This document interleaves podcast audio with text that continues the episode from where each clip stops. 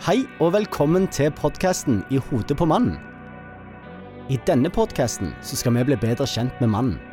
Vi tror at det å belyse viktige temaer, tabuer og myter, det vil kunne hjelpe mannen i å forstå seg sjøl og sine tanker. Men ikke minst hvordan dette virker inn på relasjoner med andre og i et samliv. Andreas er utdanna sosionom og har en master i samfunnssikkerhet. Og I tillegg er han utdanna sexolog, hvor han i dag har egen praksis. Han foreleser òg bl.a. på Universitetet i Stavanger og forskjellige andre arenaer hvor mannen ofte er tema. Og jeg, jeg er en helt normal mann på 35 år med en familie på fire, men som er kanskje litt over gjennomsnittet nysgjerrige. Og sammen så skal vi prøve å finne ut hva som skjer i hodet på mannen. I hodet på mannen. Med Andreas og Christer. Podkasten er produsert av Stangeland Lyd. Det har vært påske, og eh, har du hatt en fin påske, Andreas? Ja, det må jeg jo eh, si. Jeg- Det har jo vært fint vær, har det ikke det? Har du fått vært ute og tanna? Ja, jeg har jo tunger som eh, Og i, for to Nei, for ett år siden nå, så eh, gjorde jeg noe som for to år siden jeg tenkte var blodharry. Eh, og det var å kjøpe meg campingvogn med spikertelt. på Egenes camping. Ja. Men det er jo egentlig det mest fantastiske du kan ha når det kommer til en treåring og en halvannenåring. ja. Eh, der har vi en eh, sånn legeplass 50 meter fra vogna, og så har vi et vann 100 meter fra vogna.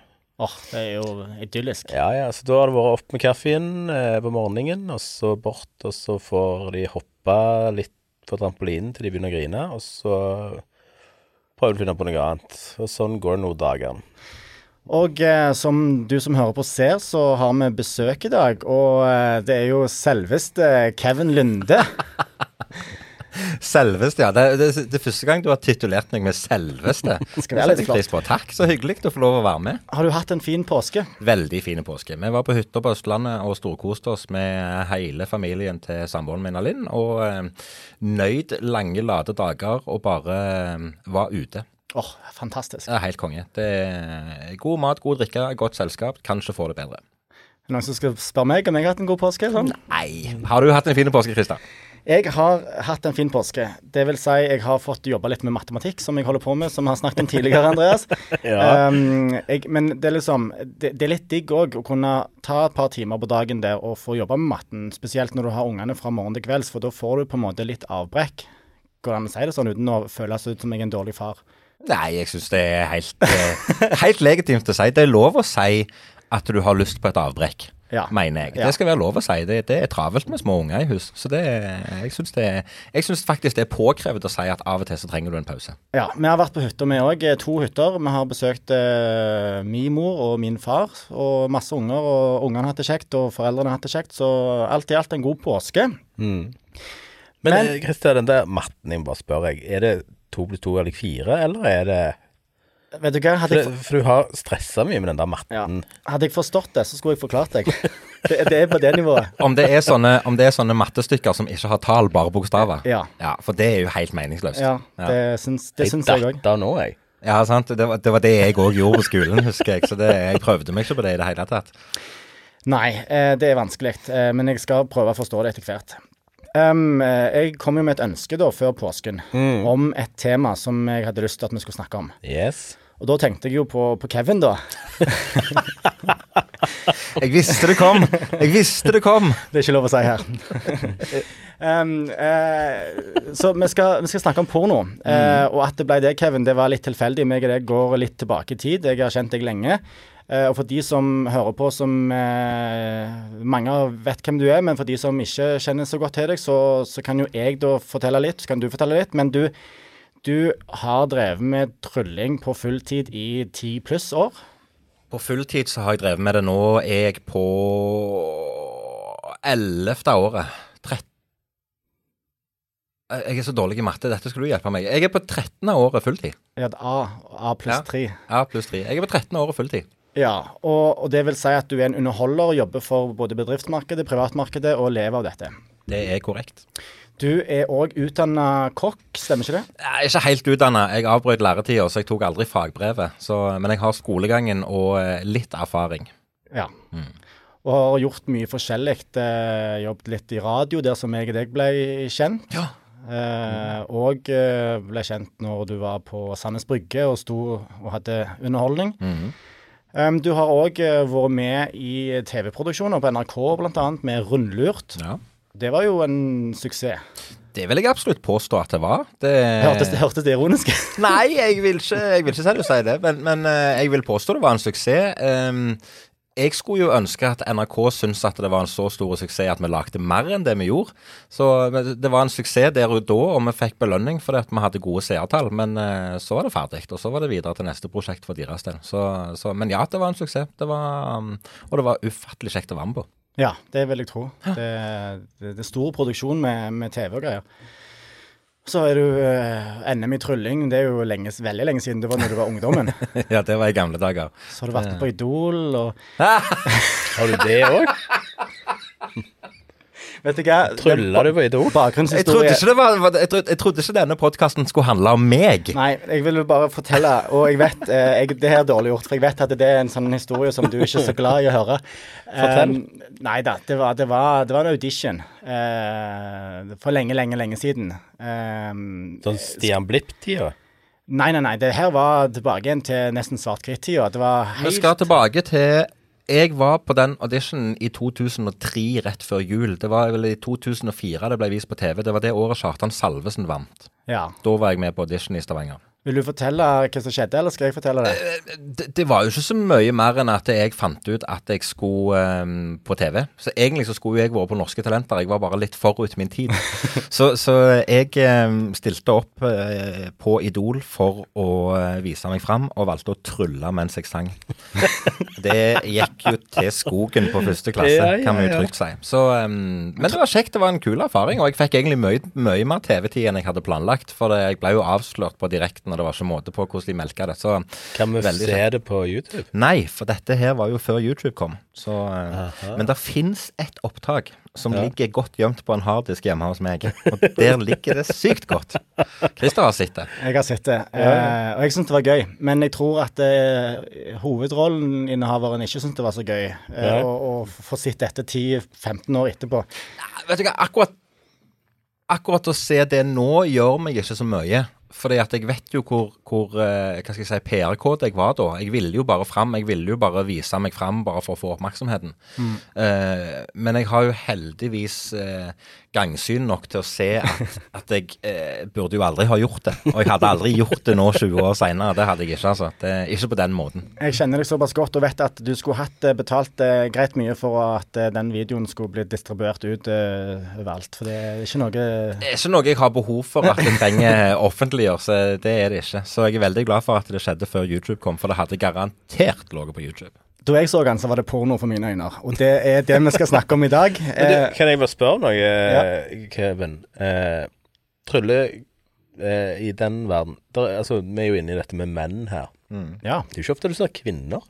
Nei, det er ikke det. Og det er jo en ting som eh, tryllemiljøet har hatt fokus på, spesielt eh, internasjonalt, og kanskje enda mer spesielt etter dette metoo. Ja. Eh, og, og, og det er klart, det er jo et brennende ønske om å rekruttere flere kvinnelige tryllekunstnere. Men Ja. av en eller annen grunn så får vi det ikke helt til. Og jeg tror kanskje den aller største grunnen er at det er så etablert fra så langt tilbake i tid at damer liksom bare er assistenten til tryllekunstneren. Ja, ja, ja. Og den rollen er så levende fortsatt at det er det er gjerne vanskelig å gå vekk fra det. Så, men så tror jeg òg at det, trylling i seg sjøl er en såpass, eller det har blitt en såpass sære ting å holde på med, at det tiltrekker nok gjerne mest menn Ja. i utgangspunktet. Så jeg tror nok, tror nok kanskje det er den største grunnen, at det er en ting som appellerer mest til menn. At det òg er lettere for foreldre å eksponere gutter Ja. for det når de er små. Mm. Noe, altså, vi blir jo kanskje litt det vi blir eksponert for òg, da. Ganske sikker på det. Men det er jo en oppfordring til de damer så, eller de jenter eventuelt som hører på, som eh, Altså, Jeg vet at Magisk Sirkel Norge, da, som er liksom den store interesseorganisasjonen til trylling i Norge, de har et veldig fokus på rekruttering av, eh, av nye medlemmer nå. Og de ønsker veldig sterkt at det skal komme jenter inn, for, å, for å få den dynamikken og for å få den fordelingen mer korrekte. da. Mm. For det er jo ingenting som tilsier at en kvinne skal være dårligere enn en mann. Er Snarere tvert imot. Mm. Det, jeg tror nok at det, Altså, det er jo flere jenter som, som, eh, som gjerne bruker tid på å stå foran speilet og synge og danse når de er små, enn det gutta gjør. For gutta skal liksom ut og leke med traktor og gravemaskin, Ja, ja. og det blir jo veldig sånn eh, skilt på den måten Ja. der. Men, men det er klart, det å ha den det ønsket om å eksponere seg sjøl og ønsket om å vise seg fram, det ligger gjerne mer medfødt hos jenter. Så hvorfor ikke bruke det til noe fornuftig på en scene? Enten i form av skuespill eller sang og musikk, men òg trylling. Ja, det var trylling. Det var trylling. Um, I dag skal vi snakke om porno. Jeg hadde en sykt bra overgang tidligere, men um, uh, det fikk jeg ikke til nå. Det handler jo om å trylle av trusene, gjør det ikke det? Ja. Nå melder jeg meg ut i denne tryllinga. Jeg skulle hatt en sånn en badabom bish. Den var dårlig. Ja. Men, men um, du er god på det du er god på. Ja, takk. Så får Kevin ta seg av eh, humor og, og trylling. Jeg holder meg til tryllinga, ja. Det gjør jeg. Vurderer du eller din bedrift å starte med podkast? Stangeland Lyd kan hjelpe dere med hele eller deler av prosessen. Planlegger du eller din bedrift en fest eller en hyggelig sammenkomst? Stangeland Lyd leverer lyd, lys og underholdning til arrangementer i alle størrelser. Søk etter Stangeland Lyd for å finne ut mer. For det er porno eh, vi skal snakke om i dag. Og em, hva er det egentlig du tenker da om porno, Andreas? Sånn, altså, hva er det du tenker vi skal innom og snakke om i dag? Eh, jeg tenker vi skal innom litt forskjellig. Eh, vi skal prøve å få et nyansert bilde eh, i forhold til porno. Eh, det er blitt en sånn polarisering. Sant? Enten er du på en måte litt for porno, eller så er du helt imot. Men jeg tror jo at det går an å leve i en veldig grei verden hvis vi er litt sånn både òg. Eh, det er mange positive sider med porno i forhold til parforhold. Det har vi sett. Eh, men så er det òg den delen som vi må komme inn på, og som jeg har erfaring med, eh, spesielt i forhold til en del menn. For det er ikke til å stikke en stol at ennå så ligger på en måte altså menn 70% og kvinner 30% når det kommer til å se på porno. Og da er jo oddsen for at en mann oppsøker hjelp i forhold til dette større. Akkurat. Eh, så så da, men jeg tenker vi skal gå inn på en del av de kontekstene som kanskje kan skape litt utfordringer òg. Ja. Har du noen tanker, eh, altså når, Bare når du hører Jeg må, jo, jeg må jo ærlig innrømme at jeg har litt lyst til å høre på gjerne spesielt hva Andreas har å si, før jeg gjør meg opp noen store tanker. For du spurte om jeg hadde lyst til å komme og være med som gjest i podkasten eh, fordi at det skulle snakkes om porno. Og det er egentlig det grunnlaget jeg har til å begynne med. Og så har vi snakket litt mer om det, liksom hva vi, hva vi skal inn på og sånt. Så, så foreløpig så forholder jeg meg ganske nøytral, men, men jeg tror jeg er enig i det du sier, at eh, det å ha et nyansert forhold til det, det er helt fint. Det, det kan eh, være en fin ting, men det kan òg være en fæl ting. Ja. Jeg, og jeg, jeg tror jeg skjønner hvor vi skal hen. Det gjør jeg absolutt. Så ja. For, for denne podkasten tar jo for seg litt sånn parforhold og mann i relasjoner, mann-kvinne, mann-mann for så vidt. Um, og kan porno være en utfordring i forholdet? Og hva, hva tenker du om det, Andreas? Ja, det, det, men, men først skal vi bare spørre dere om ting. Hva Hvor mye- tror dere den første pornofilmen ble laget? Altså, Da snakker vi film, for da, da snakker vi ikke porno eh, som at er noen ser på andre som har seg. Stemmer. Og vi snakker langt tilbake i tid. Ja, vil du tippe? Eh, ja, jeg vil tippe Altså, den første, den første levende filmen kom vel akkurat århundreskiftet, begynnelsen på 1900-tallet. Og Mm. jeg tror ikke det tok lang tid etterpå før den første pornofilmen kom. Jeg tror vi snakker et kvarter etterpå. Du har gjort hard research her, Kevin. Ja, men det, altså, akkurat sånne fun facts er litt fascinerende. Ikke nødvendigvis fordi at det handler om porno, men fordi at det er litt, det er litt gøy at den industrien har vært med oss så lenge. Snakker vi stumpornofilm?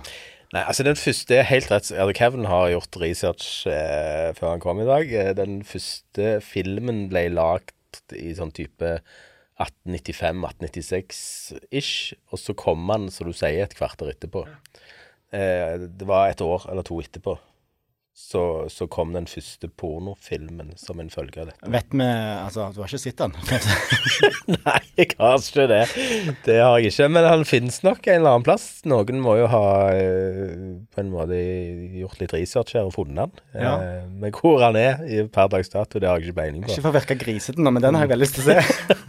Men det, det sier jo litt om hvor lenge pornoen har vært med oss, da. Ja, Eh, og, og du kan jo gå helt tilbake til runer.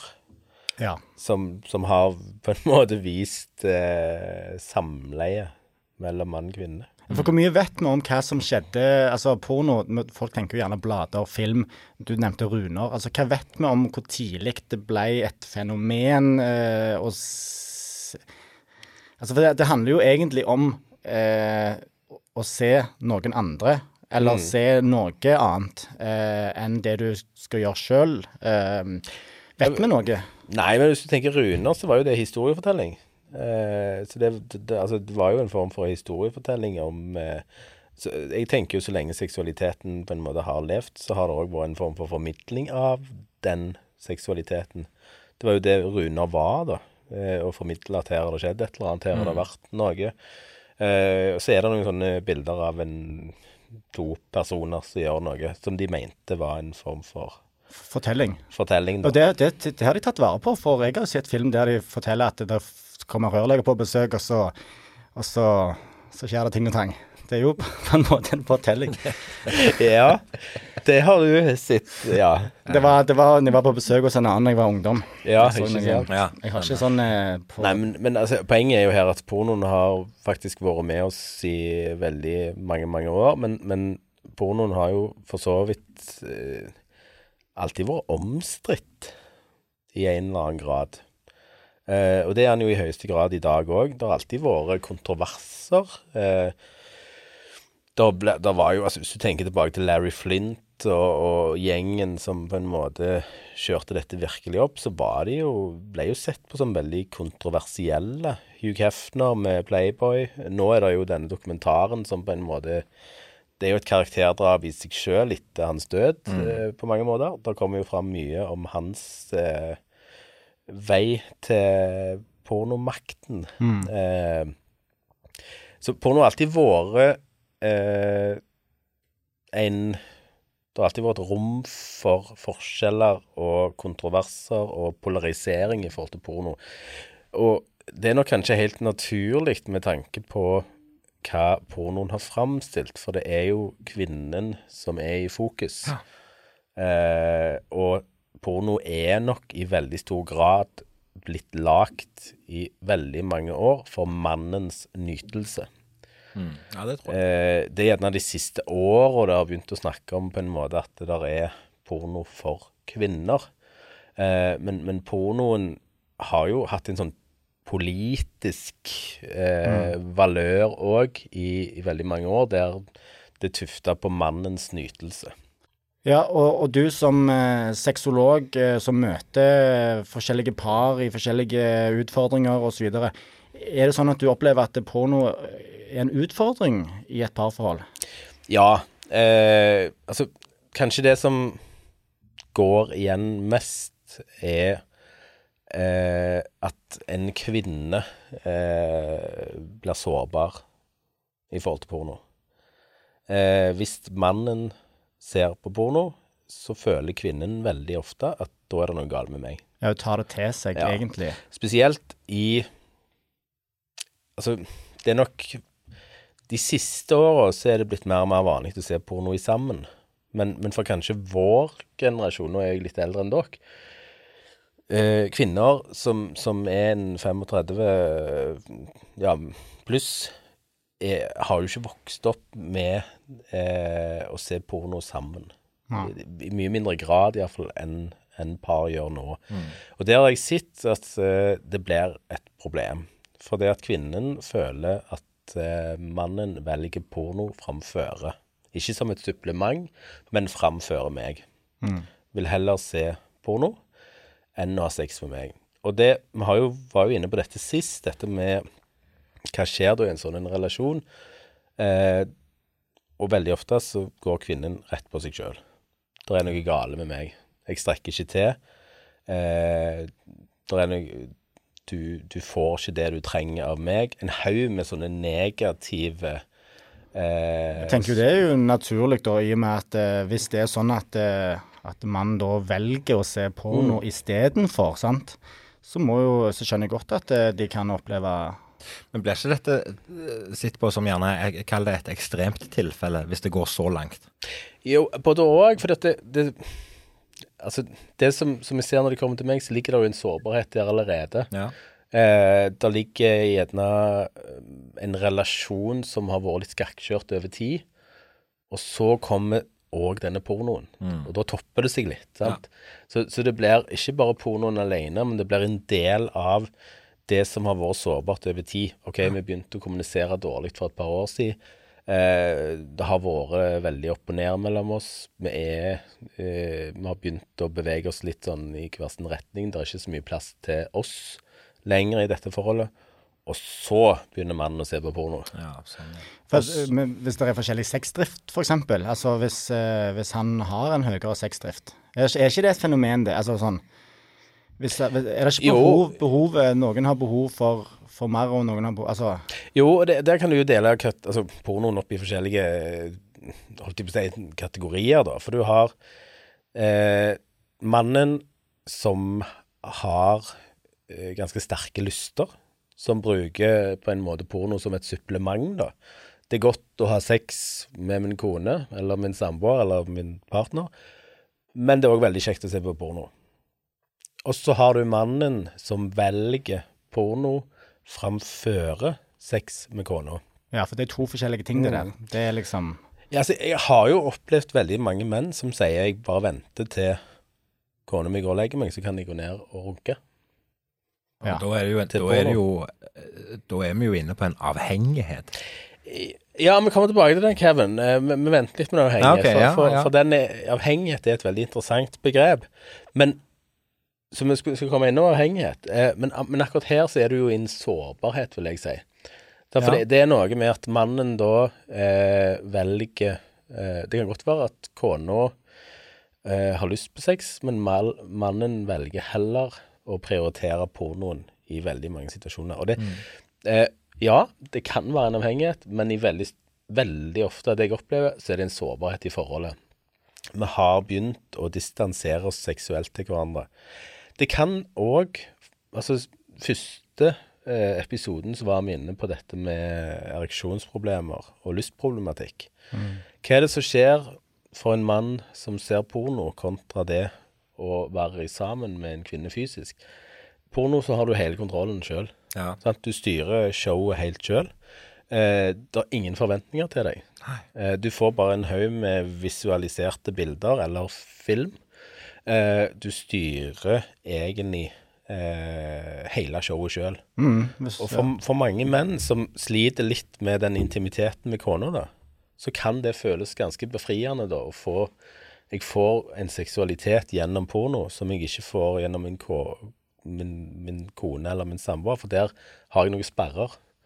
Men, men, hva er det som gjør, da altså, eh, Hvis du kommer i en sånn en situasjon, hva er det som gjør at mannen velger å oppsøke porno? Altså, eh, der er, jo, der er jo en prosess her med, mm. med, med, kommunikasjon, som du sier. Vi begynner å distansere oss, der er noe som skjer. Sexlivet er ikke det samme. Mm. Men så kommer jo da mannen til et punkt der, mm. der han velger å oppsøke porno. Veldig godt spørsmål. Eh, ofte så begynner det jo med en litt sånn for nysgjerrighet. Det begynner ofte der. Ja. Og så gjør det deg noe. Mm. Eh, du får eh, på en måte Du kommer litt til dekka bord, sånn at du kan velge og vrake. Og så, når dette har vekk, altså pirra litt nysgjerrigheten, så dras du gjerne mer og mer inn mot det. Og så blir det jo en veldig sånn eh, lett utvei, da. Eh, for det at du, du får eh, en nytelse gjennom det, og så er det en nytelse som du styrer helt sjøl. Kontra det ubehaget du gjerne har hatt i den relasjonen med partner, som, som er sårbar. Så, så, det jeg møter veldig ofte, er akkurat den inngangen der. At det har gått fra sårbarhet i forholdet til å begynne å se veldig mye porno. Mm.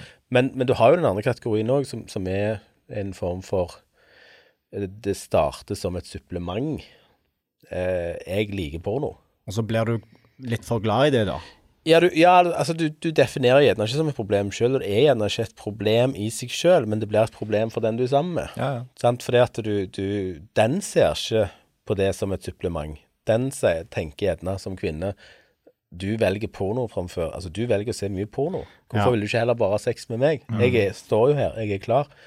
Sant? Så, så blir det en sånn skapt sårbarhet der, da. Med der mannen kanskje tenker ja, men jeg liker begge deler. Men kvinnen tenker men jeg syns ikke du skal like begge deler. Jeg er jo her tilgjengelig for deg. Så kommer det en sårbarhet inn i forholdet den veien. Men det er jo Jeg vet ikke, men det, jeg kan tenke at det er ikke så mange menn som driver annonserer at nå skal jeg gå i, på det rommet og se på porno. Nei, og det er fordi at der, der, der kommer vi inn på det som kanskje er pornoens eh, store mørke, da. Det er jo skammen. Sant? Altså, det er jo Det er jo litt som den der Jeg holdt på å si sjokoladen. Sant? Hvis du, hvis du er på slankeren, og så spiser du den sjokoladen, og så nyter du den, og så etterpå så kjenner du på skammen. Litt det samme skjer med pornoen. I øyeblikket eh, så føles dette kanskje som veldig OK. Det er nydelse, nytelse. Det er visualisering der du, du kommer, som jeg sa, sant? du, du velger og vraker av innhold. Så har du nytelse der og da, og så når du er ferdig, så kommer skammen. Vi har jo en skapt skam knytta til porno. Litt siden jeg begynte med denne kontroversen som har vært rundt porno hele veien. Skaper jo òg en skam i samfunnet. Det har vært skamfullt, og er fremdeles litt skamfullt. Spesielt for kanskje menn i vår eh, generasjon å uttrykke høyt at 'yes, jeg ser porno'. Så skammen får lov å leve.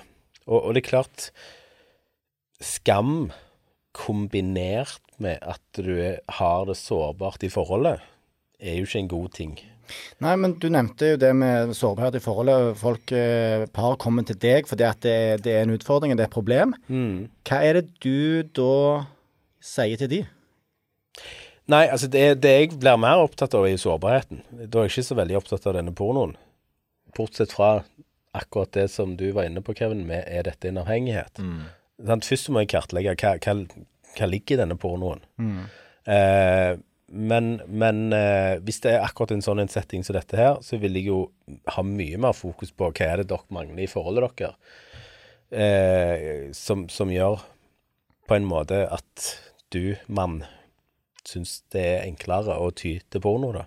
Men, ja, for da snakker vi om når han velger porno istedenfor. Mm.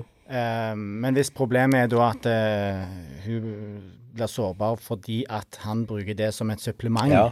Og da er det jo å holdt jeg på å si, få fram mannen litt her. Sant? Og, og, og prøve å få mannen til å eh, Altså litt denne røde tråden i denne podkasten, Kevin, er jo at vi menn snakker jo ikke.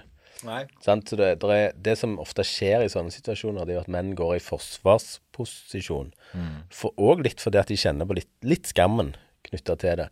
Men, men hvis vi begynner å gå inn på en god samtale knytta til dette, så kan du gjerne ufarliggjøre det litt. Hvis dette bare er et supplement, da.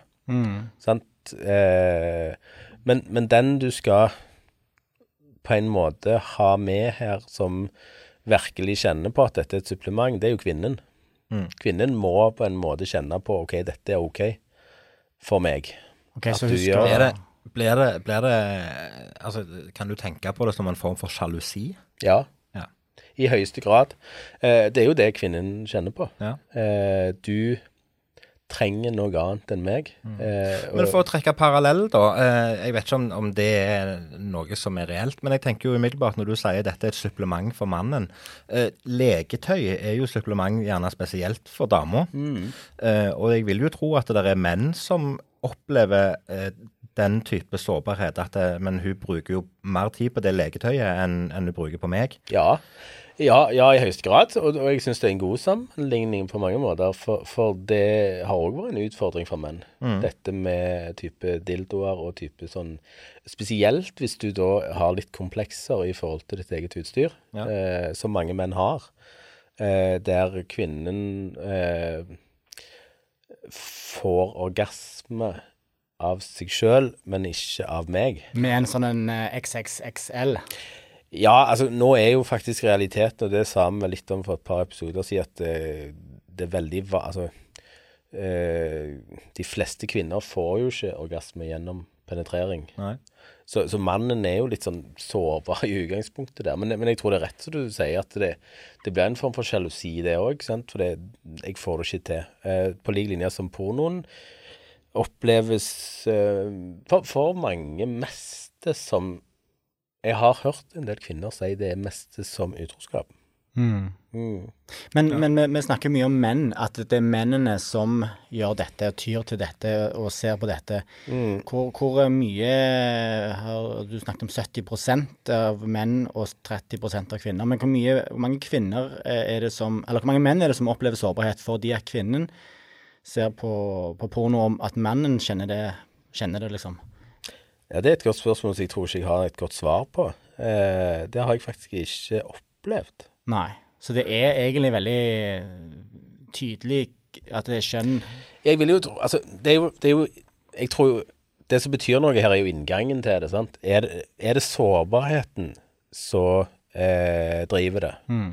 Så, så, vil jeg jo tenke at på lik linje så vil mannen òg kjenne en form for sjalusi. Det som har vist seg, er jo at eh, eh, De har gjort veldig mye forskning på dette, og det viser seg jo på en måte at kvinner eh, velger faktisk ofte å se på lesbisk sex okay. i større grad eh, enn andre ting. Eh, som, som, kanskje kan rokke litt med mannen, da, i en eller annen grad. Ja.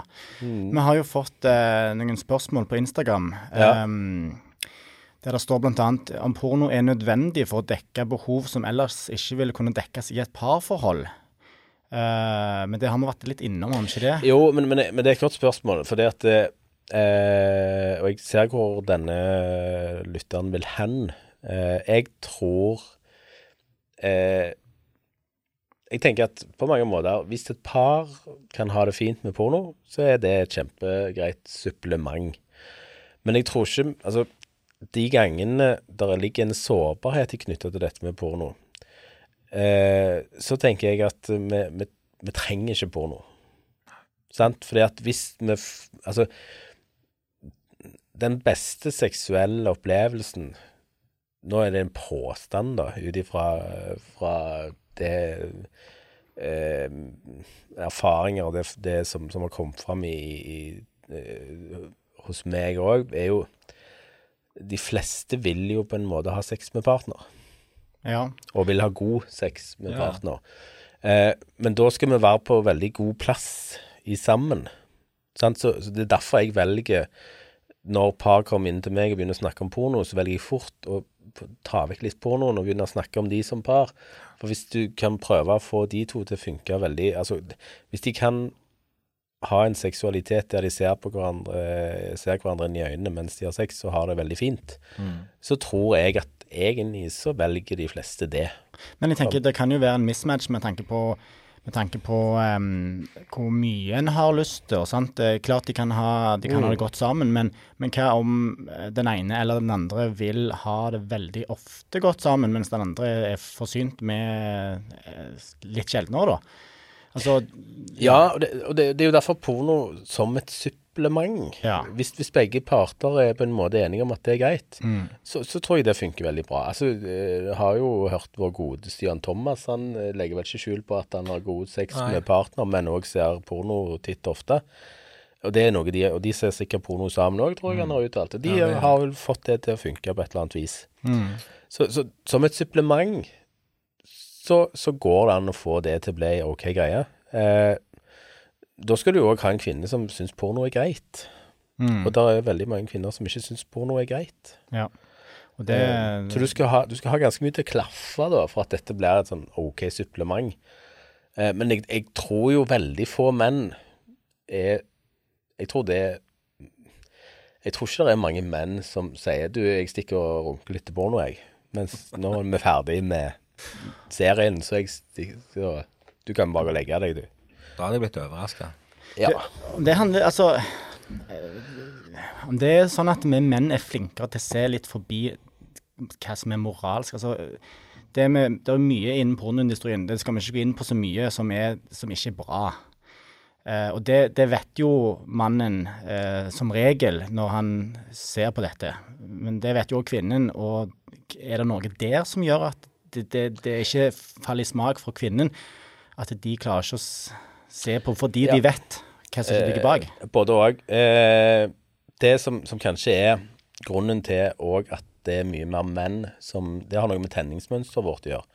Vi menn er mye mer visuelle. Vi menn kan nok gå ut døra vår, og så kan vi se på ei dame, så kan vi forestille oss hun naken og bli litt høyne av det. Eh, det var ikke et sexologisk uttrykk. Høyne Nei, men jeg syns hoien er et helt innafor uttrykk. Eh, vi, vi er veldig visuelle, og derfor funker porno for oss Mm, ja, i mye større grad enn for kvinner, som trenger for å bli, kjenne på lyst og kjenne på kåthet, så trenger de berøring i mye større grad enn oss menn. Vi blir kåte av å se, og det er jo noe pornoindustrien har skjønt. Altså, Ja. Pornoindustrien har jo en enorm makt på oss menn, for de har skjønt noe. De har skjønt at vi er visuelle. Eh, og vi er kjempevisuelle. Det betyr at eh, en snutt på ti sekunder er nok til å skape noe, og så hopper vi over til neste snutt, og så blir det veldig mye visuelt, som gjør at vi opprettholder en form for lyst og en form for kåthet. Eh, kvinner Altså, det, det er feil å si at dette er et rent sånn eh, kjønnsskille, for det er det ikke. For du har òg kvinner som kan være veldig visuelle. Men størstedelen av kvinner trenger en form for berøring for å komme i gang, mens vi menn trenger ikke det. Eh, og det er noe pornoindustrien har skjønt. Men, og du snakker om dette med, med moral. Ja, kanskje har vi det, men samtidig så opplever jeg òg veldig mye skam. Ja. Sant? Så vi har en moral som er tufta på hva er aksepten her i samfunnet. Det gjør jo at veldig mange menn går inn på rommet alene eh, og gjemmer seg i forhold til porno, og kjenner litt på den skammen. Og nå kom jeg på en ting som jeg egentlig ikke hadde tenkt oss, som jeg ikke hadde planlagt. Oss, Men jeg tenkte det med moral og det med det som blir vist på de sidene, sant. Um, og det har jeg lurt litt på, for det er jo veldig mange kalde kategorier. eh, mange forskjellige overskrifter. Uh, og det er mye som er på en måte Kall det ikke greit, da. Sant? Ja. Eh, enten at mannen er stygg eller slem med, med dama, eller at det er Altså Ja, du, du skjønner hvor jeg vil. Og hva, hva er det som gjør for, for Grunnen for at pornoindustrien fronter ting som, som dette, er jo må jo nødvendigvis være fordi at det selger. Altså, De hadde aldri Ja. lagt ut ting som ingen ville trykke på. Nei. Og hvorfor er det sånn at det er så mye Kall det ugreit, da. Ja, altså du, du er jo inne på et veldig det, Og det er et spørsmål som jeg tror mange Altså nå hadde jo jeg Jeg hadde seksualundervisning for 10. klasse i en uh, liten kommune. Eh, og, de fyrte jo litt opp under dette. sant? De syntes dette var mer litt sånn kleint og gøy. En, en, men de var jo òg inne på dette med pornokategorier og stepbrother og stepsister og mye sånn som, som på mange måter er, er forbundet med kanskje litt sånn incestlignende greier, da. Eh, Hva er greia med det? Nei, altså, det, det har Der har jo òg pornoindustrien selvfølgelig skjønt noe. For eh, det er jo litt sånn som clickbates, dette her. sant? Jo mer som blir trykt på, eh, så, de, så, så tar de den eh, terskelen enda lenger og lenger og lenger. Og så eh, trykker vi på det. King, kink, for eksempel. Eh, veldig mange begynner Og det, det har jo vist seg at det begynner med eh, en type sånn Jenna Jameson, sant? Altså softporn. Ja. Det, er jo det, det er jo det vi kanskje blir litt nysgjerrige på. Og så er ikke veien lang før du havner opp i en type sånn kink-setting. og det er på mange måter visualiseringen i seg sjøl. Vi trenger litt Altså, jo mer porno vi ser, jo så trenger vi mer og mer og mer. Og vi trenger noe nytt, vi trenger noe annet. Og så beveger du deg ut i grensene da. Det er jo derfor òg mange kjenner på denne skammen. Her har jeg vært inne og sett på eh, family sex, eller eh, family therapy, eller hva de kaller det. Er, altså, det er jo en haug med kategorier. Men det som du sier, mange av de har noen sånne bildegjøringer som kan minne om ting vi ikke aksepterer i samfunnet, og så går vi inn og trykker på det. Fordi, fordi, mm. vanlig porno i gåseøynene blir for kjedelig. Ja, og det, det har noe med Altså, nå skal ikke jeg nevne navn, eh, Jo, jo. men eh, det var en, en kjendis som kjente en annen kjendis, og de hang en del i sammen. Og denne kjendisen, eh, hvis vi kaller de kjendis A og B, da. Kjendis B, han kunne gå inn i en bar, og så var alle de vakre kvinnene på den baren, de storma mot han og ville ha han. Så han kunne egentlig bare gå inn og peke på ei, og så kunne de gå inn døra. Og det som han andre kjendisen som hang mye med han her, da, merka etter hvert, det var at for han her som hadde dette draget, da, fordi han var superstjerne, han begynte å kjede seg med disse pene damene. Så han måtte ha noe annet. Så han begynte å gå på litt sånn brune puber og søke litt eh, type emo, type andre ting som var langt vekke fra det der billedpenet. Fordi at han kjeda seg med Fordi han kunne få det. Ja. Og da trengte han noe annet, så han trakk grensene på en måte, og så ble det eh, eh, en type kanskje litt mer grensesprengende tilnærming til sex òg. Det er interessant det der fenomenet der. At vi Ja. søker yttergrens... Altså grens... Altså Vi søker er litt ikke, grens, og vi er jo litt skapt litt sånn. Ja, Er det ikke litt den der eh, jakten på noe som er litt forbudt? Jo. Jo. Eh, Og der er du inne på det. Det, det har jo Altså, det der forbuden frykt har jo vært Hvordan vi skal forklare det rent sånn psykologisk. Jeg tror ikke vi trenger å forklare det på noen annen måte at det er det vi gjør. Eh, det har vi alltid gjort. Analsex har jo vært en sånn en, litt sånn det der forbudte området som gjør at vi trakter etter det. Jeg tror ikke de alle syns at analsex er godt, men vi, vi trakter litt etter det, for det er litt det Ja. Eh, men det som, som skjer det som skjer i forhold til porno, det er jo at du får så massivt mye inntrykk, og så må du ha nye og nye og nye. nye. Eh, det er litt sånn òg som med actionfilmer. sant? Du, du, du beveger deg jo inn litt sånn inn i det hardere og hardere og hardere. Hvis du, eh, hvis du begynner å se mye på det. Så, så jeg tror vi trekkes mot det på en måte litt i destrukt... Og det har pornoindustrien skjønt. da. Ja, og da har jeg egentlig et spørsmål som, som jeg har lurt mye på. Det er rett og slett fordi hva gjør pornoen med oss? Sant? Hvis vi hele veien flytter normalgrensa sant? lenger og lenger ut, hva skjer da? Eh, si at, eh, For nå er jo porno veldig lett tilgjengelig. og det er For de som vokser opp i dag, de har det nærmest eh, rett foran seg. Hvis de da begynner der tidlig, og så flytter de grensa, og så kommer de for første gang med en kvinne, og så tenker jo jeg da at eh, ja vel, skal det være sånn? Altså hva, hva, hva Nei, du, du kan du kan òg definere dette inn i veldig mange forskjellige ting. For det, eh, du kan si at eh, den, den enkleste skaden som porno gjør, eh, det er at du ikke får sove etterpå. OK. Sant? Fordi at eh, forskning har sitt vist at eh, Hva tid er det vi ser porno? Det er med, fra klokken 22 og utover i veldig stor grad. Selv om veldig mange ser porno på jobb, så, så, så viser det seg at vi ser eh, porno eh, etter klokken 22. Eh, det som veldig ofte skjer, da Hvis du sier at du som mann sant, Du går opp og, og setter på porno, og så ser du på det i en halvtime. Og så skal du legge deg ned og sove etterpå. Da har du fått massivt mye inntrykk eh, i hjernen Mm. som skal sorteres. Og så ligger på en måte dette og surrer. Mm. Samtidig som du kanskje kjenner på litt skam. Ja. Det legger seg med skam, det er ikke Ja. Nei, men, men det, det, det som Altså, alle råd i forhold til søvn er jo at du skal ikke glo inn i denne skjermen før du går og legger deg.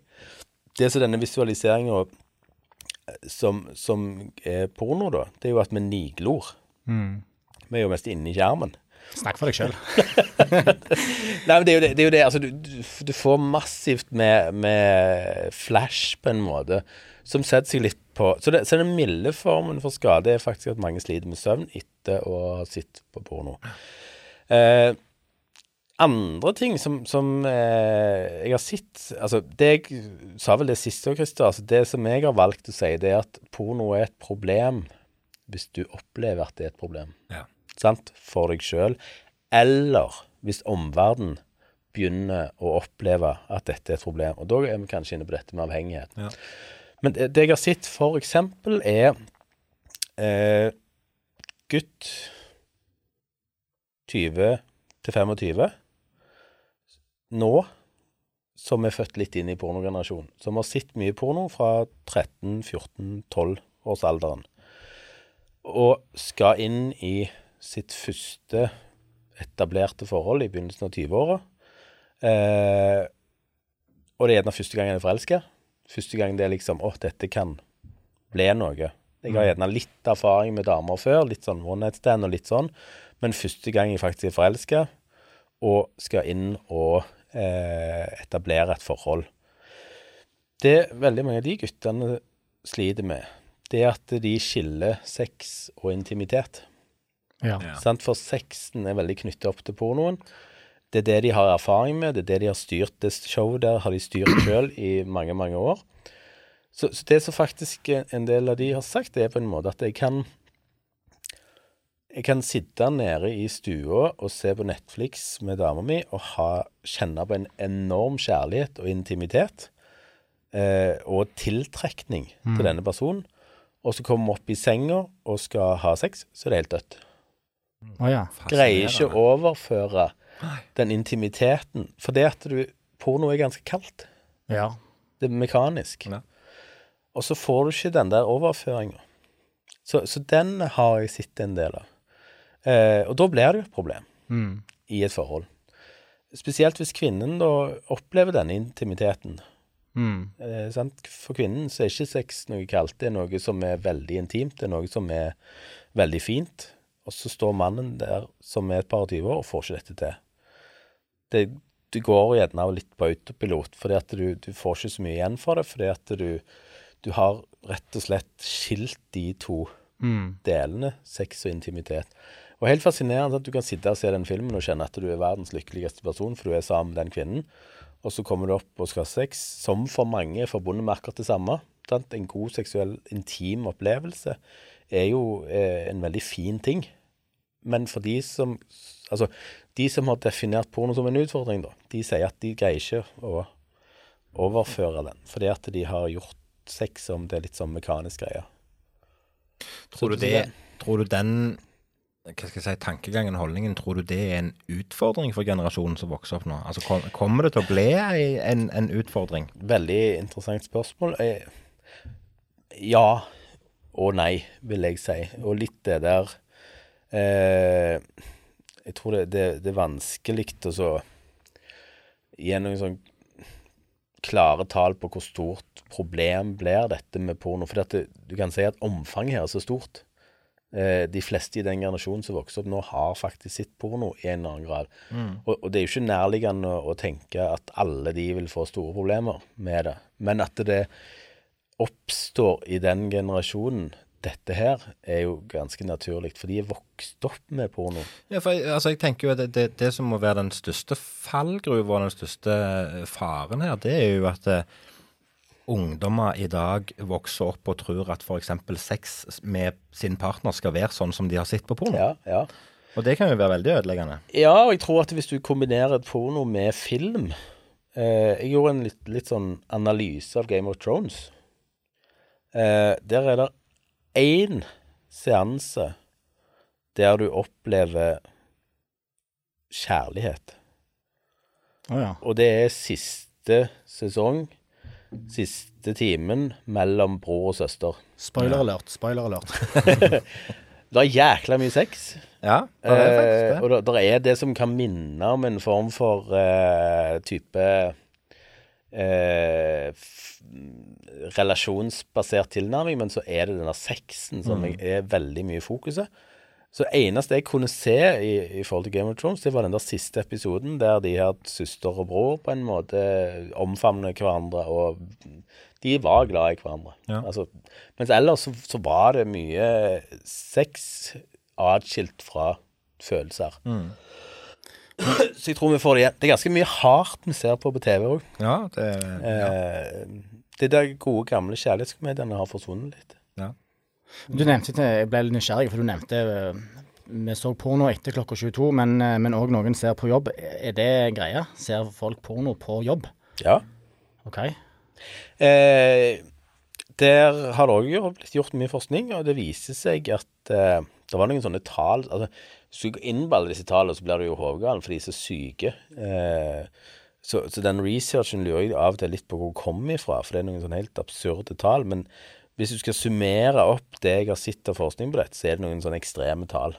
Eh, det er noe som Hva var det Altså, dette er forskning som vi må ta ikke helt for god fisk, mye av det. Men, men de opererer med type tall som at 50% av sendte e-mailer inneholder sex og porno. Ja, OK, men da er jeg med. Da er jeg med, For det at det blir sendt rundt eh, Ja, men òg at, at menn eh, spesielt sitter og ser på porno i i- altså, Istedenfor å gå inn på Facebook, så går du inn og ser en snutt med porno. porno. ja. ja. For det, det, det, ble, I pausen. Ja, for det, det var litt overraskende for meg. Jeg, jeg vet jo at alle som jobber på et, for et verksted, har en kalender med Ja, ja. Vurtdama, eller Ja. kall det hva du vil. Det blir litt den uh, nye versjonen av Vurtdama, da. Sant? Mm. At du heller bare går inn og ser på bilder. eh. Det er uhorvelig mye menn som går inn på Instagram og søker på pene damer mens de er på jobb. Jo, men er det Ja, ja. Nei, det, det er ikke nødvendigvis porno, men Men, eh, men vi, vi, har en tendens til å gå inn og, og søke på det seksualiserte, kanskje. For det er jo seksualiserte kropp Eller det er pene kropper. Ja, jeg, skjønner- jeg skjønner hva du mener. Jeg, jeg fikk et Men- inntrykk av at du mente at det derfor var altfor mange menn som satt og så på eh, reinspikka pornofilm Ja, men det er det òg, altså. Ja. Eh, men du spurte jo tidligere, Kevin, dette med avhengighet. Ja. Eh, og der eh, vil jeg påstå at det skal Altså, det er opplevd avhengighet, og så er det reell avhengighet. Det snakker vi òg om i forhold til rus. Sant? Eh, jeg har jobba òg mye rus. Der, der, der, der er mange som kommer til meg og tror de er avhengige. Mens når vi får snakket med dem, så har de egentlig rimelig kontrollen på dette. her. Eh, de som blir avhengige av porno de, de, Igjen, hvis du selvfølgelig opplever at dette er et problem for deg, så er det et problem, og du er gjerne inne i en sånn det er en avhengighet i seg sjøl, da, sant? for du, du kommer ikke helt ut av dette. Men når vi snakker virkelig avhengig av porno, så er det typisk Da har jeg kanskje hatt eh, folk som må inn på toalettet én til to ganger i timen I timen. for, eh, på jobb for å se på porno. Eh, som tenker porno veldig mye, som gjør at de ikke får gjort unna de daglige gjøremålene og oppgavene sine. Og det er jo dette jeg syns er fascinerende. Altså, hva, hva er det som gjør at en person kan bli så avhengig av å se andre folk ha sex? Ja, igjen så er det denne visualiseringa som, som, som vi blir utsatt for, som gjør at du går over ei grense. Litt det samme som rus. Altså, du vet jo at du er på vei til å bevege deg ut av noe her, men du føler du har kontrollen, og så plutselig så har du ikke kontrollen lenger.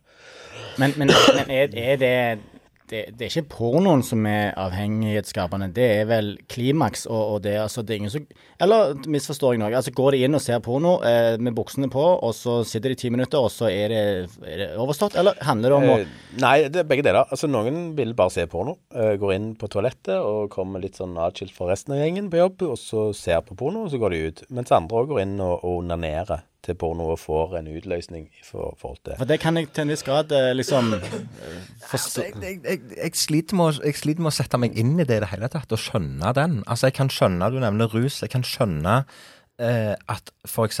alkoholmisbruk Ja. blir eh, ei greie. At folk må ha den, den eh, rusen i form av alkohol i arbeidstida, f.eks. Ja, ja. Fordi at du får en abstinens. Mm. Men jeg klarer ikke å skjønne hvordan, hvordan abstinens etter f.eks. porno kan oppstå. Men det er jo stimuli. Det er stimuli. Ja. Sånn at du, du får en belønning. Ja. Det er belønningssystemene våre som, som blir fort. sant? Altså, Porno gir deg en belønning. Eh, og så søker du den Men- men belønningen belønningen- mer og mer. Men, men vi har jo tidligere snakket om skammen etter porno, så Ja. belønningen her er skam. Ja, altså Belønningen er jo kort. Det er jo litt som sjokoladen. det, sant? Den er jækla god. Du oppleves jo som en belønning der og da, og så et kvarter etterpå så begynner du å få litt dårlig samvittighet. Og litt det samme er det med porno. Eh, men, men akkurat det der med det der visualisering og det der og, og så beve... Altså, der, der er jo Det var en eh, barnepsykolog for et par år siden som ble fengsla. Eh, som, som ga et intervju i forhold til akkurat dette. For han ble da fengsla for å ha veldig mye barneporno på eh, skjermen. Eh, og det han forklarer eh, om, Om det er reelt eller ikke, er jo selvfølgelig vanskelig til å si. Eh, Nå kjenner ikke jeg verken han eller hva tilbøyelighet han hadde i utgangspunktet, men det han forklarer, er at eh, han hadde mange saker eh, med seksuelle overgrep på barn, og så skulle han gjøre research på dette. Og så begynte han å gå inn og se på type bilder, og plutselig så var han fanga inn i Ja, klarte ikke å stoppe det. ja, så han ble dratt mot det, det Han visste det var steingale, og han visste at han var på vei ut av noe som han ikke hadde kontroll på, og så bare ble det mer og mer destruktivt, og til slutt så ender han opp med en fengselsdom og har uh, har jo ikke et liv etterpå, for Nei, han er jo stempla, og uh, Det var hans forklaring. Eh, det, om det er en plausibel forklaring, det, det vet ikke jeg i forhold til han, men det, men det viser litt på en måte mekanismer som kan skje i en type sånn avhengighetssituasjon og, og i forhold til vanlig porno òg, at du du melder deg ut av verden og, og, og vil heller inn og få den belønningen. Så Kan det, være til, kan det være tilbake til det som vi snakket om tidligere, med dette her jakten på forbuden frukt? At du, at du eh, ikke bare oppsøker type porno som blir mer og mer tabubelagt, men at du skal oppsøke selve pornoen på steder der det gjerne er Altså, er, er, det, er det noe inni der? Ja, den er litt spennende, Kevin. Den, den, den er, for den, den er der. Ja. Sant? Altså, det er litt det der med sexy rundkjøringer. Sant? Ja, ja. Altså, vi søker litt det som ikke er lov. Sant? Det er litt det der spenninga, litt det der å bevege deg litt på grensene. Det er ikke lov med 60 rundkjøring. Nja eh, men, men det som, som kanskje er viktigst her, er jo at eh, vi har type reseptorer i hjernen, og en av de er jo belønningsstyrt. Så, som gjør at pornoen blir på en måte den belønninga, og du søker den mer og mer.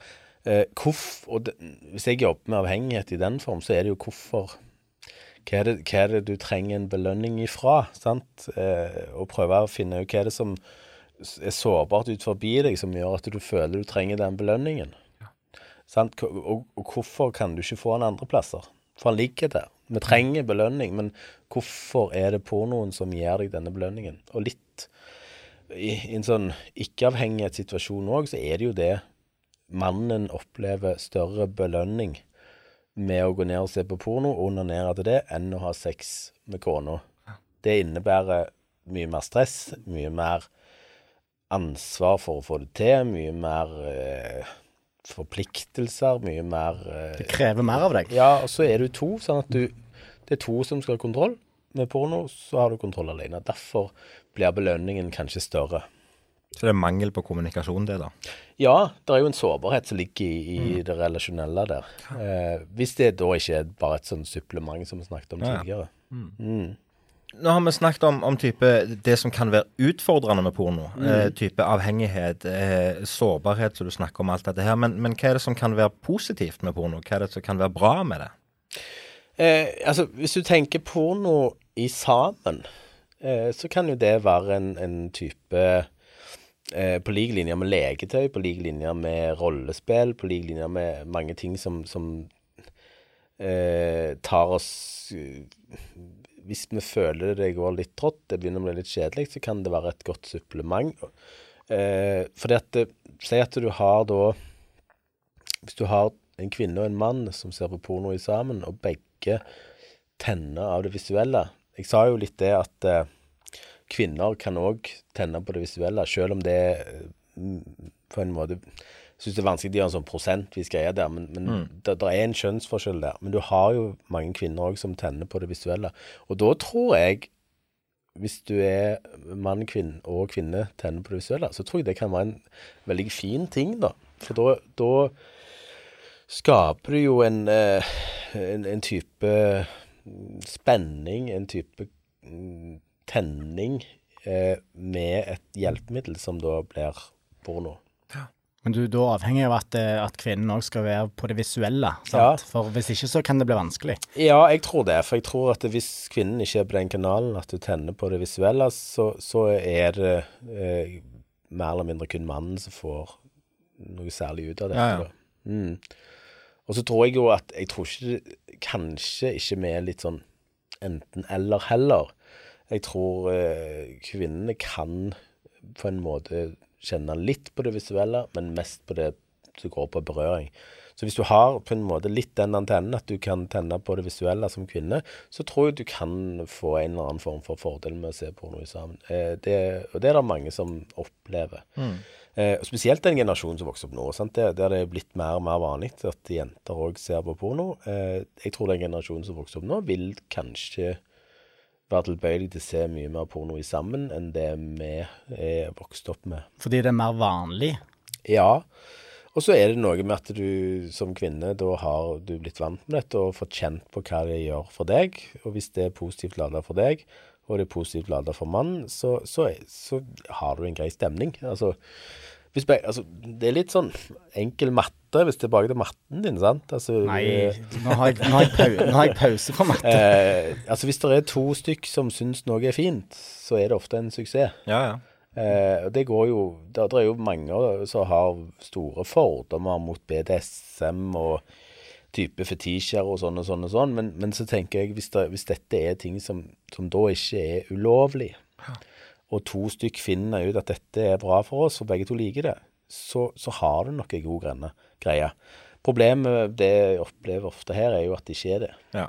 Den ene syns det er veldig OK, mens den andre har eh, Eh, et negativt fortegn knytta til det. Ja. Eh, men, men eh, jeg, jeg syns altså, kan si mye om Jørn Thomas, om du liker han eller ikke. Det, det får være opp til folk sjøl, men, men, han har jo Han tør iallfall å uttrykke det han mener i forhold til disse tingene. Og han sier jo at for han så er porno en vidunderlige greier, er det ikke det han uh, sier? Jo, det er noe sånt. De i sammen òg har mye glede av porno, og, og, han har stor glede av det. Eh, vi skal ikke ta fra han det, tenker Nei. jeg. Sant? Altså, vi skal ikke For det, det, er jo ikke noe Altså, det som, som, jeg tror er viktig i den for så vidt debatten når det kommer til porno òg, det er jo hva det gjør deg. Og så kan du se pornoindustrien isolert og tenke at der er det mye dritt. Mm. For det er der. Det er det ingen tvil om. Eh, men det er der for så vidt i veldig Altså, nå går vi her med klær. Ja, ja, ja. Skal, du, skal du, begynne der, så kan du Også, holde på lenge. Skal vi begynne å snakke om barnearbeid og, og, og sånn Altså, du, du, vil på en måte Altså, verden er en ganske hard plass å leve. Eh, og det er klart at pornoindustrien i seg sjøl eh, er en brutal verden for veldig mange, og det har vist seg. Eh, og det er veldig mye av det som foregår på nettet der, eh, som, som, er et overgrep og et misbruk. Og det har jo Pornhub virkelig fått kjent på nå, der de har mer eller mindre måttet halvert eh, videoene sine mm. fordi at det er støtende, eh, for det er et overgrep. Mm. Eh, der folk har på en måte lagt ut videoer som faktisk er, viser et overgrep mm. av eh, noen. men på den andre sida så skal du ikke ta vekk at, at den sunnheten i forhold til tenningsmønster og det at folk får glede av det, det, den ligger der uansett, på en måte. Hvis Vi skal, vi har jo tidligere episoder vært inne på det med råd og det med å komme med litt sånn ting og tang. For det er jo sikkert en del som kjenner på uh, en utfordring med det med porno, som vi har vært inne på. Mm. Um, er det tilbake igjen til det med å snakke? Snakke om det? Fortelle om behov og, og sånn, eller hva? Ja, altså jeg syns jo det, det, eh, Kevin brakte jo opp dette med avhengighet veldig tidlig. Eh, og, og, grunnen til at du brakte opp, var jo òg fordi at du ble litt overrasket når jeg sa hva jeg mente var avhengighet. Og jeg tror at det er ganske mange som tenker at de er avhengige, som ikke nødvendigvis er det. Mm.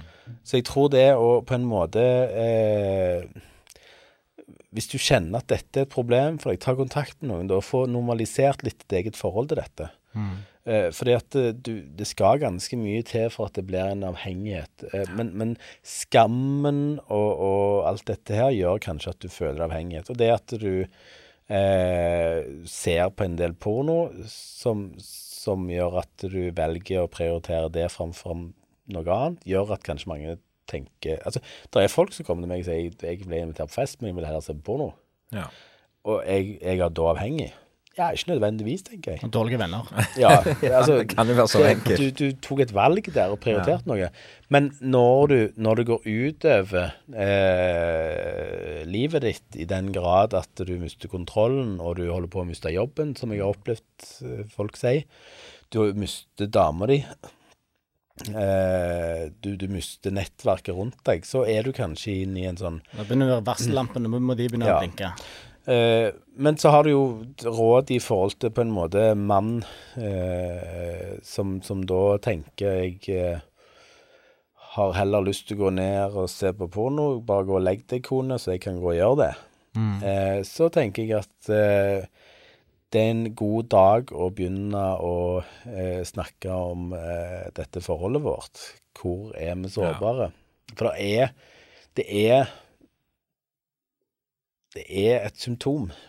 Hvis du Hvis på en måte din partner eh, utelukkes fra ditt seksualliv, eh, og du velger noe annet. Ja, over tid, da. Det, Ja, ja, at vi ja. gjør det innimellom. eh, Ja.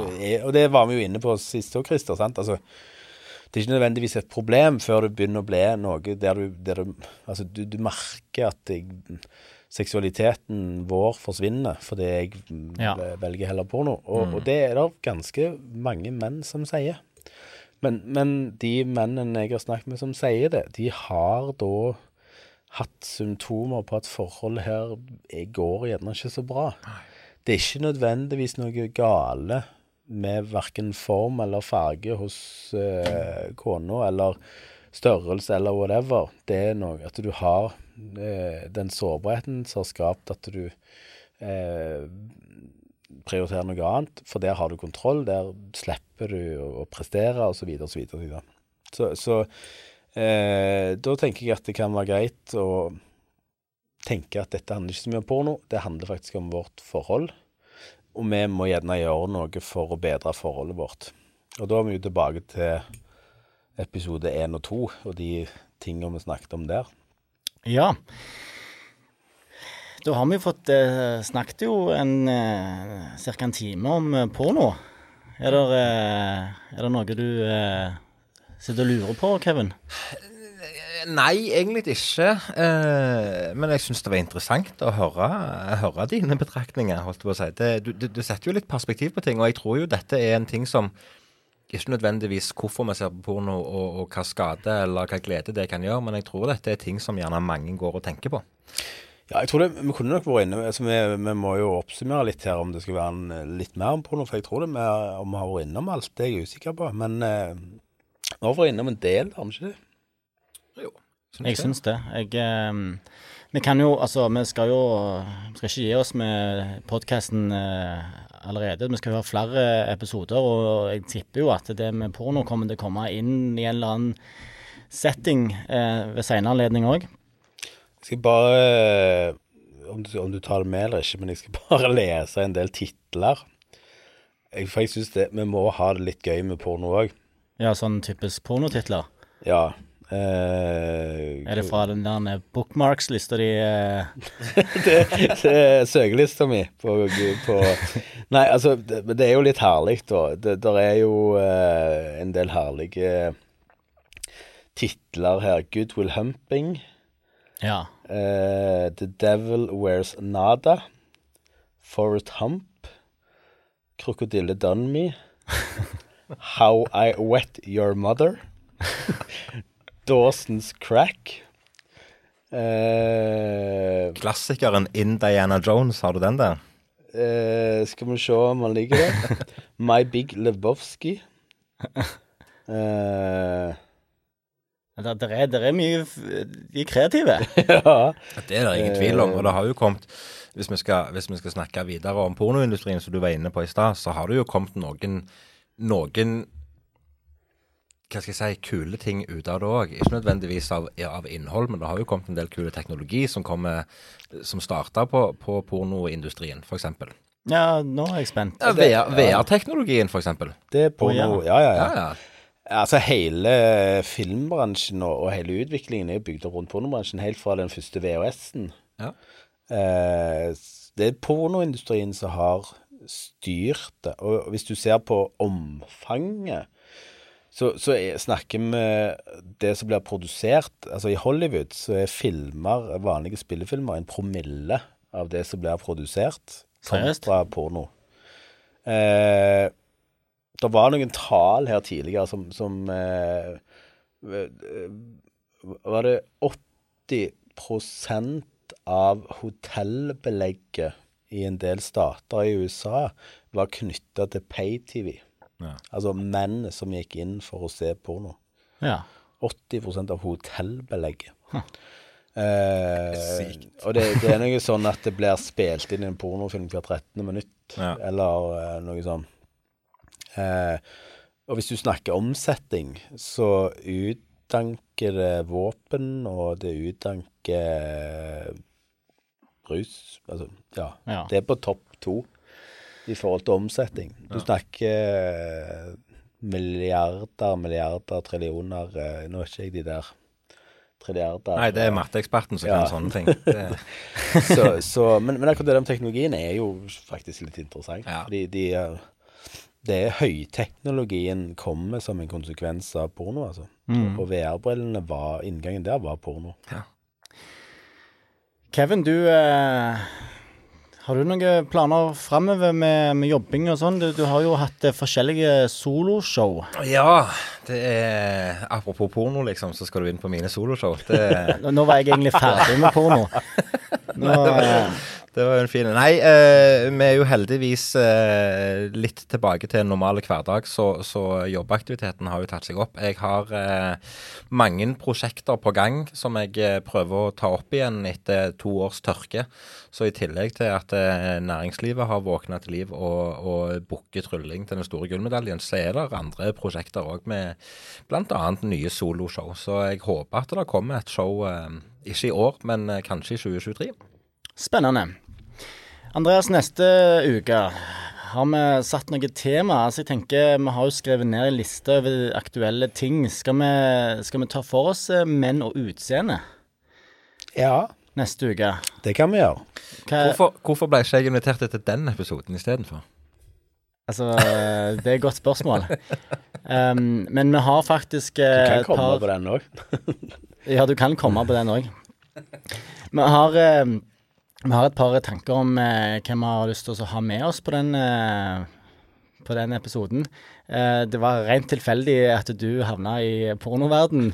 Um, jeg syns jo det er kjekt å, å snakke med deg. Du er flink å eh, snakke og bidra positivt, så jeg syns bare det var kjekt at du ville komme. Det var veldig kjekt å få lov, jeg skal innrømme det. Jeg har uh, kost meg, jeg, altså. Det var gode spørsmål. Ja, så bra. det må jeg si. Så bra. Mm. Det var, ja. Og du skal ikke se vekk ifra at du får eh, en, eh, en forespørsel på en senere tidspunkt òg.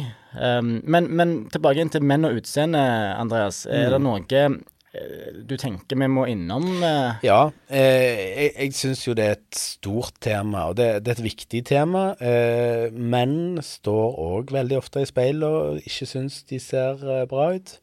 Menn har kroppskomplekser. Menn er veldig opptatt av utseendet. Eh, der er anoreksi blant menn, der er spiseforstyrrelser blant menn, der er selvmord på grunn av disse tinga. Eh, så jeg, jeg tenker at det er et kjempeviktig tema, for på mange måter så er menn Altså, utseendet har Det har vært veldig mye fokus på kvinner og utseende, og så er vi vel så komplekse, vi som menn, når det kommer til det. Er mener det, ja? Ja, det er et ekstremt kroppsfokus i samfunnet, og vi som menn er en veldig stor del av det. For jeg føler det har kommet, mm. men det skal vi sikkert snakke mer om, men jeg føler det har kommet litt eh, Selvfølgelig senere år, men det er jo- kun det jeg har opplevd egentlig. Men, men, men stemmer det at det har det har kommet mer de senere 10-15 år enn det det nødvendigvis har vært eh, i historien, da? Ja, kanskje hvis, hvis du tenker på en måte eh, kroppsfokuset, hvis du tenker den der tradisjonelle se bra ut, se treningsmessig fitt ut, og de greiene, så, så har jo det eh, gjort se, sitt inntog i form av når treningsstudioene virkelig begynte å komme for fullt. Så når vi vokste opp, så var det jo ikke treningsstudio i den forstand. Iallfall ikke når jeg vokste Jeg vokste jo opp eh, lenge etter deg. Ja, jo, det, det men, men altså, kroppsfokuset har kommet som et inntog av treningsstudioene. Det var ikke så stort kroppsfokus på å være stor og, og sterk når du kom til eh, Når vi hadde mye mer der, der, det var mer det organiserte idretten, så dreier det med fotball og håndball. og mm. klart Det er der også nå, men, men treningsstudiene har fått fram dette med kroppsfokus. Men, men, det er klart, mens sårbarhet i forhold til utseende Og vi har jo et tema som det er å miste hår mm. på hodet, ja. som eh, både meg og deg, Christer eh, For meg så var det et helsike. Ja. Skal ikke dra med meg den her jeg, Du må jo snakke for deg sjøl, men jeg syns det var forferdelig. Jeg sitter jo her og snakker for at folk ikke skal se, se det. Nei, altså, jeg, jeg, kan godt bruke meg sjøl som et eksempel neste episode, for det å, å, å bli tynn i håret. For det syns jeg var et uh, sant helvete. Mm. Eh, men òg størrelse. Det å, å, være stor, det å føle seg ukomfortabel i egen kropp, det er ikke bare forbeholdt kvinner, det er vel så mye forbeholdt menn. Ja, og, og eh, som vanlig så kan dere eh, som hører på sende inn spørsmål hvis det er noe du eh, lurer på angående temaet menn og utseende. Eh, vi har ei side på Facebook og ei side på Instagram. I hodet på mannen. Vi blir veldig glade hvis du eh, følger oss, mm. eh, og gjerne del videre. Det er jo ekstra stas. Ja, ja, ja. Så eh, får vi bare snakkes igjen om en ukes tid. Ja. I hodet på mannen med Andreas og Christer.